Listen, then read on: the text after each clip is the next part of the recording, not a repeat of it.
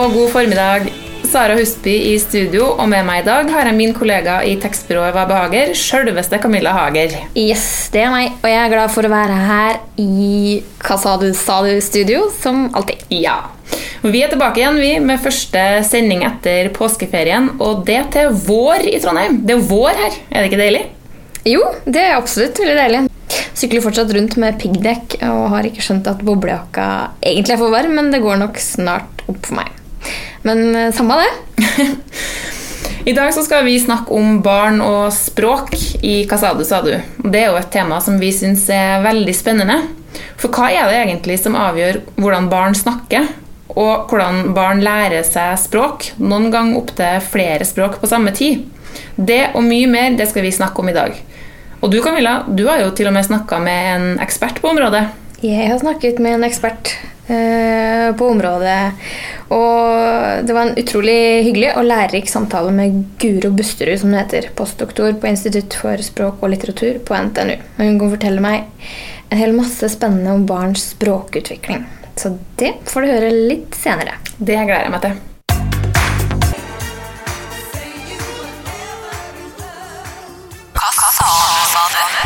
Språk det er jo som vi vet nært knytta opp mot identiteten vår.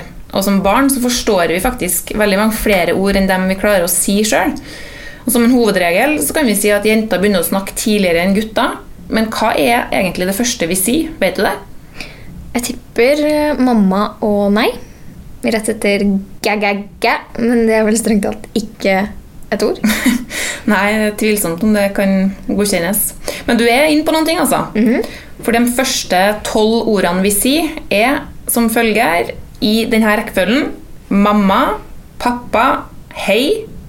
På fjerdeplass så kommer nam-nam, som sånn egentlig kanskje nesten da kan gå som to ord hvis man legger godviljen til. Etterfulgt av brr, som er en billyd, og nei. På sjuendeplass kommer ha det, fulgt av borte, gjerne da i forbindelse med den borte titt-titt-leken. Deretter kommer det en liten gruppe med dyrelyder, der bæ kommer først, grr, voff-voff, og helt til slutt, helt ned på tolvteplass, der kommer ja. Ja. Så nei en god stund før ja, altså. Det kan se sånn ut. Ja. Det er viktig å sette ned foten fra ung alder. Hva sa du, sa du? Vi sa jo innledningsvis at vi skulle snakke om barn og språk i dag, men vi har jo også snakka med barn om språk. For vi tok rett og slett turen til Ilsvika barnehage her i Trondheim for å høre hva barna sjøl tenker om språk, og hvordan vi snakker med hverandre. Jeg tror dere liker å snakke om Rosenborg. Og bursdag. Bursdag? Ja. Hva snakker du om da? da? Det er veldig artige ting. Og så rusher vi veldig mye også. Men når jeg sier liksom det ordet som er språk, hva tenker dere at det betyr da? Det er sant. At det er sant? Mm. Men Går det an å snakke forskjellige språk, da? Ja. ja. Mange forskjellige. Som engelsk Mm. og polsk. Ja. Mm. Mamma og pappa min er polsk. Begge to er polsk. Og jeg, og jeg er en lillebror. Mm. Jeg er også fra Polen. Men du fortalte meg ute i gangen her at du snakker tre språk, du. Ja. Er det norsk og polsk og Jeg gjetter Engelsk. Engelsk, ja. Noe, Tre. Mm. noe på gresk. Gjør du? Eskarista. Hva sa du? Eskarista? F. Karestad? Hva betyr det, da? Jeg vet ikke helt. Nei, det er sikkert noe hyggelig. Noe sant. Ja. Ja, det tror Og jeg. tenker so much, men det er noe på engelsk. Ja. For de snakker engelsk der. I, um, der de snakker gresk? I Hellas? Mm. Det er kjempegodt å være i Hellas. Ja. Men når man er for eksempel i et land der de andre ikke snakker samme språk, da, hvordan klarer man å snakke sammen da? da? Man må bare lære seg å språk. Men dyr, for eksempel, dem går det jo ikke an å snakke De snakker jo ikke. Nei. Men vi snakker jo til dem, vi mennesker. Men nå klarer papegøye å snakke. Ja, Hører oss. De hører oss, ja. Forstår Og- oss. Og hermepapegøye er bare morsomt. Mm. Men Hvorfor? Si, kanskje da vi sier ko-ko, så sier du ko-ko. og så hvis du sier Polly vil ha kjeks, Polly vil ha kjeks, så sier de Polly vil ha kjeks, Polly vil ha kjeks. Ja. Men hvorfor tror dere at det, at det ene dyret kan å snakke, men ingen andre dyr? da?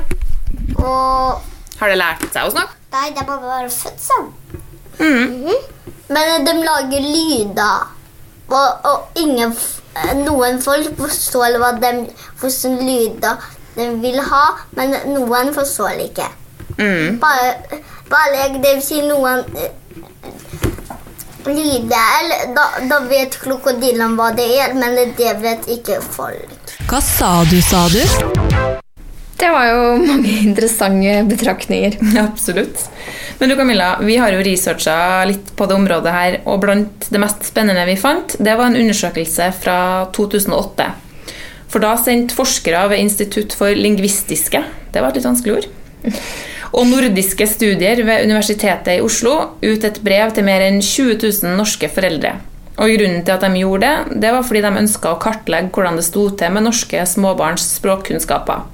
Resultatet det ble drøyt 7500 spennende svar, og noen av dem skal dere få høre litt mer om senere. Men du Camilla, husker du hva det første ordet du sa var? Gudde. Gudde. Ja, det betyr yoghurt. Logisk. Ja.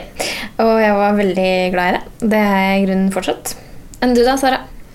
Jeg kan vel ikke eh, si at jeg husker det sjøl, men da jeg ringte mamma for sånn fem-seks minutter siden for å spørre, så kunne hun fortelle meg at Ma, ma, ma, ma og gokka var blant mine første ord.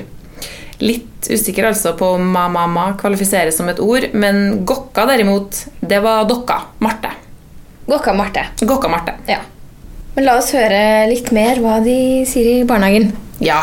Hva sa du. Vi mennesker vi må jo også lære oss å snakke når vi er ganske små. Men kanskje dere kjenner noen babyer eller vet om noen babyer? eller noe sånt? Jeg vet om en baby. Den kan kanskje ikke å snakke? Nei. Men hvordan lærer man seg å snakke, da? Når man bare prøver å snakke. Man må bare øve seg. Mm. Noen må bare, de blir bare større, og så må bare noen lære dem og lære dem. Mm. Kanskje, men hvis man ikke for eksempel, kan å snakke da når man er voksen Det er jo noen som er noe som heter stum. Og miste stemmen. Mista stemmen går an. Ja. Hvordan kan man da Bruke tegnespråk. Det går an. Ja. Men jeg aner nesten ingenting. Mm. Jeg skal si deg noe til. Vet, jeg, noen, jeg, noen klarer ikke å snakke. Da går noen og så tegner på et, på et ark, og så, og så vet noen hva han, hva han sier om. Det var lurt. Pappaen min vet ikke så masse. Han vet ikke på norsk. Nei. Derfor vi snakker polsk. Lærer du han litt norsk noen gang, da? Ja. Men hvorfor tror eh, dere to at det er eh, viktig at vi kan snakke sammen? da? Mennesker kan snakke sammen. Hva er det viktig å snakke om? Liv og sånt. Livet? Mm. Og hvordan man har hatt i reisene sine kan være litt i grad viktig. Ja. Som at ingen av familien har dødd. Mm. Er det viktig å fortelle andre hvordan man har det, og hvordan man føler seg og sånn da, noen gang? Ja. ja. Mm. Og det er viktig å snakke om hvordan man har det når noen andre har erta bare. Noen andre. Ja. Hva er det? Et fly, tror jeg. Kom til en maskin. Jeg skal si deg noe. Mm. Onkelen min har en lesebil. Har han racerbil? Ja. Det er et ganske fint ord. Racerbil. ja. Ja. Og så husker jeg på sommeren da vi erta pappaen min. Alle sammen at jeg erta han. Hallo, Fride, hvis du står i hodet, så holdt han sånn her grep på. Og så sprang han etter oss. Jeg tenker hele tida, hele tida. Jeg vet, jeg vet ikke hva jeg snakker om. Jeg husker ikke. Mye varierte svar der, altså. Men tilbake til denne undersøkelsen fra 2008. For den forteller oss egentlig ganske mye om hvordan norske småbarn prater. Annet at ord som min og din læres før det meste av annen grammatikk, og at de aller fleste barn snakker ganske mye allerede før de fyller to år. Min og din er jo Det er ganske viktige ord. Det er vesentlig stor særlig min. Særlig min. Det er viktigst. Ja. Forskerne fant også ut at det tidvis er ganske stor variasjon i de svarene som foreldrene ga. Og Et eksempel på det det er at hos 24 måneder gamle unger så kan faktisk ordforrådet variere fra 19 til 615 ord. Jøss. Ganske stor forskjell der, da, med andre ord. ja. ja. Men det stopper heller ikke der. For mens 50% av jentene kan si 200 ord allerede når de er 20 måneder gamle, hvor gammel er du da? Da er du 1 12 år, cirka. Ja, cirka. Mm. Ja. Um, altså 50% av jentene kan si 200 ord som 20 måneder gammel. Og guttene, der er det 50% som bare kan si halvparten så mange ord på samme tidspunkt. Og heldigvis for guttene så jevner jo de her forskjellene seg gradvis ut. Og når ungene har blitt 36 måneder, da har guttene nesten tatt igjen jentenes forsprang. Tror du det at jenter tidlig er gode til å snakke, det har noe sammenheng med at i senere i livet har en tendens til å være mer glad i å snakke enn gutter?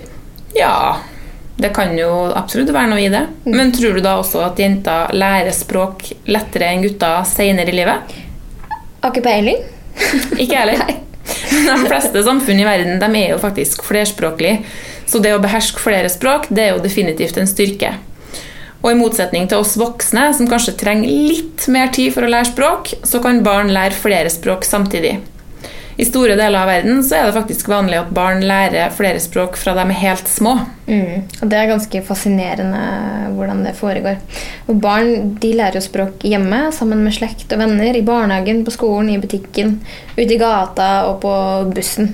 Ofte så låner flerspråklige barn altså ord fra det andre språket sitt hvis de har behov for det, og bruker det på sin totale, til sin totale språkkompetanse, så de mikser og matcher litt.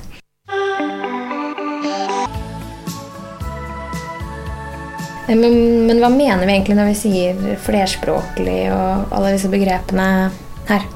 Ja, for det er jo noen av dem. Du har jo f.eks. morsmål, som er det språket du lærer først. Altså det språket du forstår best, eller det språket du identifiserer deg med. Så har du andre språk, som er det språk som barnet naturlig lærer i sine omgivelser i tillegg til morsmålet. Mm. Du har flerspråklighet, som brukes som en samlingsterminologi for to eller flerspråklighet. Noe som vil si at barnet er i en situasjon der det behersker flere enn bare ett morsmål. Så har du majoritetsspråk, som er det språket som majoriteten av en befolkning i et land snakker. Sånn som i Norge så er majoritetsspråket norsk. Mm. Vi har jo også en rekke minoritetsspråk i Norge. Eh, og det er språk som snakkes av deler av befolkningen. Her i Norge så finnes det urspråk som sørsamisk, lulesamisk og nordsamisk, i tillegg til nasjonale minoritetsspråk som f.eks. kvensk. Og I tillegg så snakker jo deler av befolkningen minoritetsspråk som polsk, somali, arabisk, tyrkisk, vietnamesisk osv.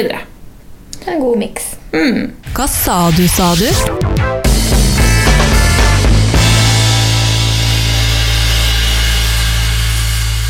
Dette med flerspråklighet det er ganske spennende og ja, veldig fascinerende, egentlig. Mm. Eh, og det kan dagens gjest fra NTNU fortelle oss mer om. Hva sa du, sa du? Da har jeg med meg Guro Busterud, postdoktor eh, på Institutt for språk og litteratur, på telefonen. Eh, og du har forska en god del på det med språktilegnelse hos eh, både barn og voksne, Guro. Ja. Og det jeg har lyst til å spørre deg om, er hva er det som avgjør hvordan barnets språkutvikling forløper? Er det eksterne faktorer som spiller inn, eller er det mye som er fastsatt? Eh, Det er jo sånn at både eksterne og interne faktorer kan man si spiller. Mm. Men jeg vil jo si at det aller meste er fastsatt. Mhm. Um, I den grad at vi- hvis vi ser på barn, da, så, og da snakker jeg om friske barn som har normal språkutvikling, så er det sånn at um, det er ingen som kan velge å ikke lære seg et språk. Nei. Um, nei, og hvis du ser på språklæring, det er jo fryktelig fascinerende. fordi når du ser på unger, så lærer de seg språk. Det skjer veldig likt. Eh, og, det skjer, og det gjelder både innad i, i språk. Hvis vi ser på norsk, så er det sånn at barn som lærer seg norsk, de gjør det på samme måte. Ja. Eh, Men det er òg likt på tvers av språk. Så de går gjennom de samme læringsløypene, kan du si.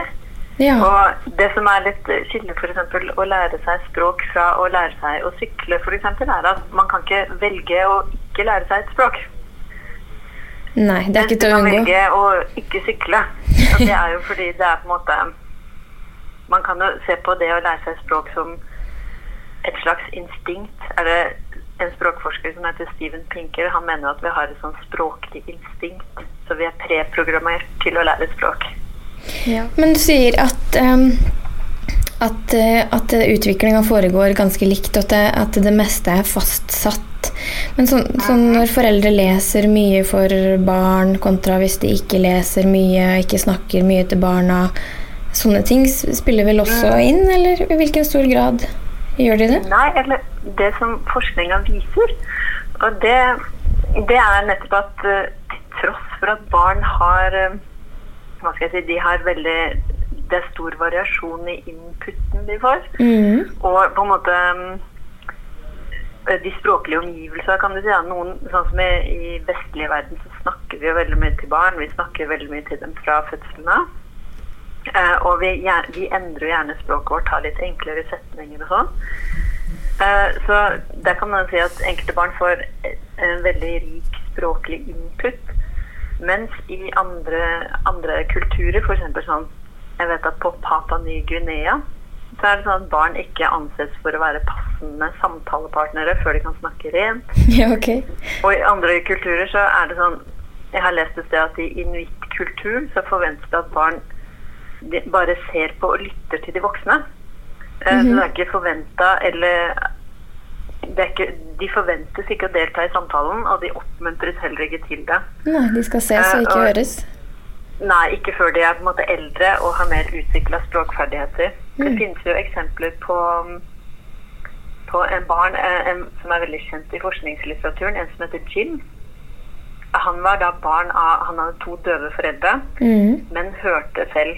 Og det som skjedde med han Jim her, var at foreldra av en eller annen grunn så brukte de ikke tegnspråk med han. Han ble ellers tatt godt vare på, så han ble på en måte ikke forsømt. Men han så mye på TV da og møtte muntlig språk der. Mhm. Eh, Men det betyr at det var ingen som kommuniserte med ham, verken på tegnspråk eller gjennom muntlig tale. Nei. Og da han var nærmere fire år, så ble han ja, Jeg vet ikke om han på en måte ble oppdaga av forskere eller hvordan det her skjedde, men i hvert fall så fant man da ut at han lå under aldersnivået sitt. da. Eh, Og det som skjedde da, var at han begynte å få muntlig én-til-én-kontakt med voksne. Og da fikk han da rask språkutvikling. Så under et halvt år senere så hadde han kommet opp på det vanlige nivået. Ja, ok, så han tok det igjen? Ja, eh, så det det her egentlig Grunnen til- til at jeg tok, tok frem det eksempelet her, det viser egentlig at For det her tyder jo på at barn trenger interaksjon for å lære språk. Mm. De må møte språket i en kommunikativ og meningsfull kontekst eller samhandlingssituasjon. Mm. Så det er det de trenger for å lære språk. Men det er sånn at barn kan lære språk av TV, f.eks. Mm. De kan ikke ha det som eneste kilde til språklæring. Nei, nettopp. Eh, det forutsetter at barnet har tilegna seg en, hva skal jeg si, språket til et visst nivå før det. da. Hvordan eh, kan et barn lære seg å snakke to språk flytende i ung alder? F.eks. barn med tospråklige foreldre? Eh, Jo, eh, det er jo Det man må gjøre, er å snakke på flere språk til dem. Eh, For hvis vi ser i Norge, så er det veldig lett Hvis vi ser oss rundt i Norge her, så er det veldig lett å tenke at enspråklighet er det vanlige.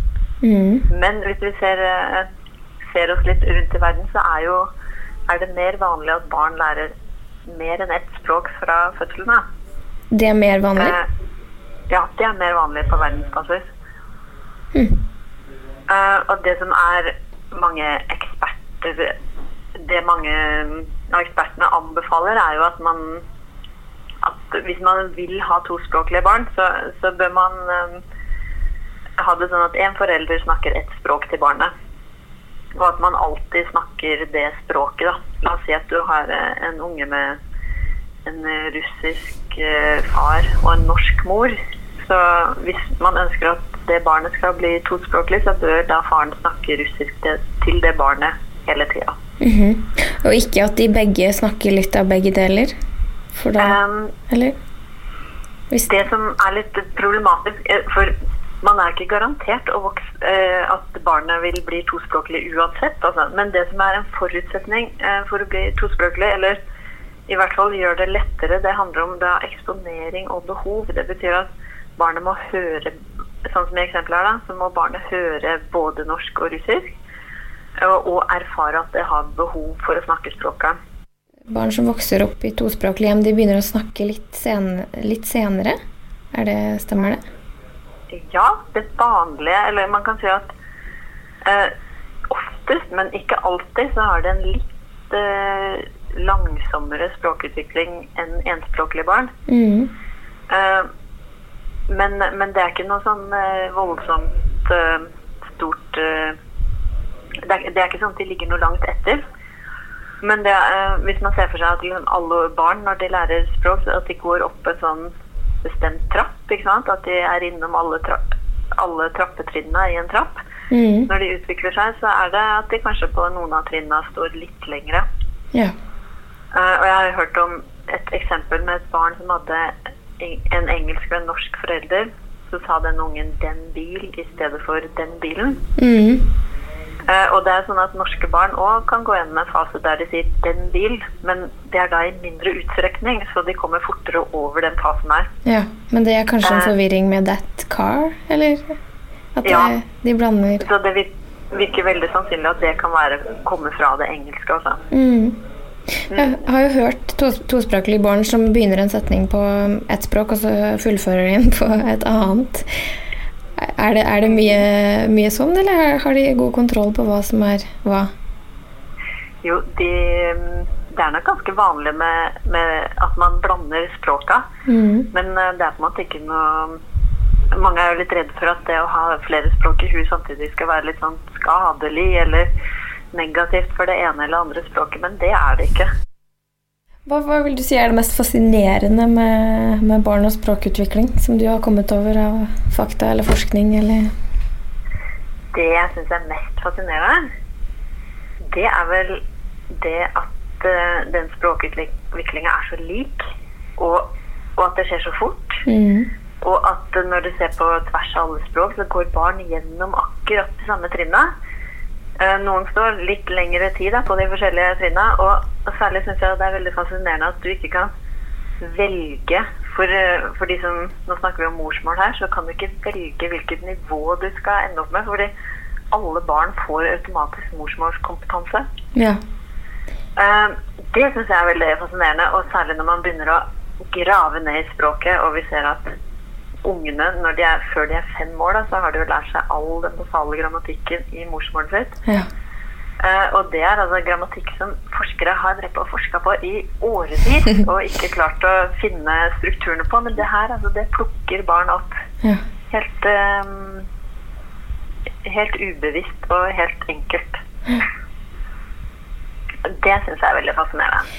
Supert. Tusen takk eh, for det, Guro. Jo, bare hyggelig. Det var altså Guro Busterud, postdoktor ved Institutt for språk og litteratur på NTNU. Da er vi på veis ende. Vi holder på å avrunde. Hvis du har spørsmål til oss eller tips om hva du syns vi bør snakke om, så send dem gjerne til Facebook. Ikke til Facebook, men eh, til, eh, til oss via vår side på Facebook. Ja, da blir vi glad. Ja. Og med det så gjenstår det jo egentlig bare å si et av de første ordene eh, vi lærer som barn. Nei? Ikke helt det, men eh, ha det! Ha det!